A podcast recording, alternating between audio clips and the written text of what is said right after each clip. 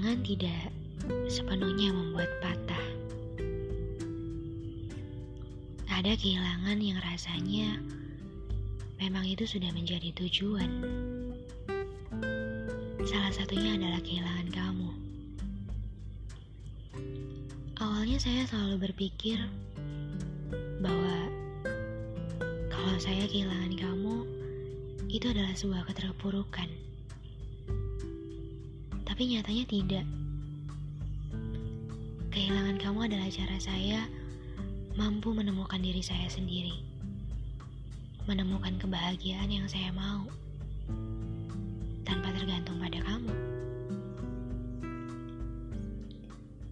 Dulu saya juga berpikir bahwa kalau tanpa kamu, saya tidak bisa bahagia. Kamu, saya hanyalah seorang perempuan dengan rasa ketakutan, dihantui, dipenuhi dengan perasaan itu. Ketakutan yang dibuat oleh isi kepala saya sendiri. Saya takut setelah kepergian kamu, saya dihantam kesendirian, kesepian, bahkan ya ketakutan itu tadi. Ya mungkin saya sedang merasa takut sendiri. Saya takut keluar dari zona nyaman ini. Tapi ketakutan terbesar saya adalah saya tidak bisa menemukan seseorang yang lebih baik dari kamu.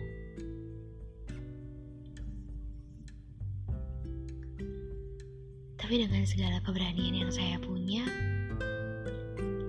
saya memutuskan bahwa kehilangan kamu adalah sebuah tujuan. Saya memang perlu, perlu waktu banyak, perlu waktu lama untuk memikirkan hal ini.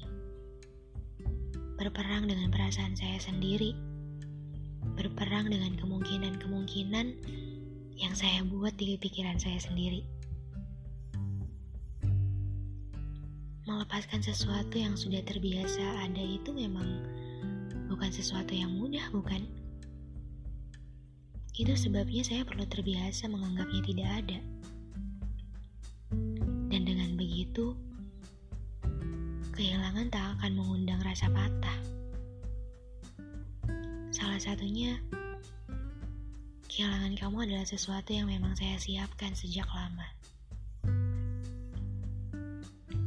Terlepas dari saya menyesal atau tidak,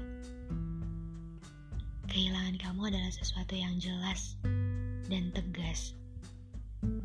Saya tidak mau lagi menjadi seseorang yang bahagianya ditentukan oleh kamu. Saya ingin menjajaki dunia dengan bahagia yang saya buat sendiri.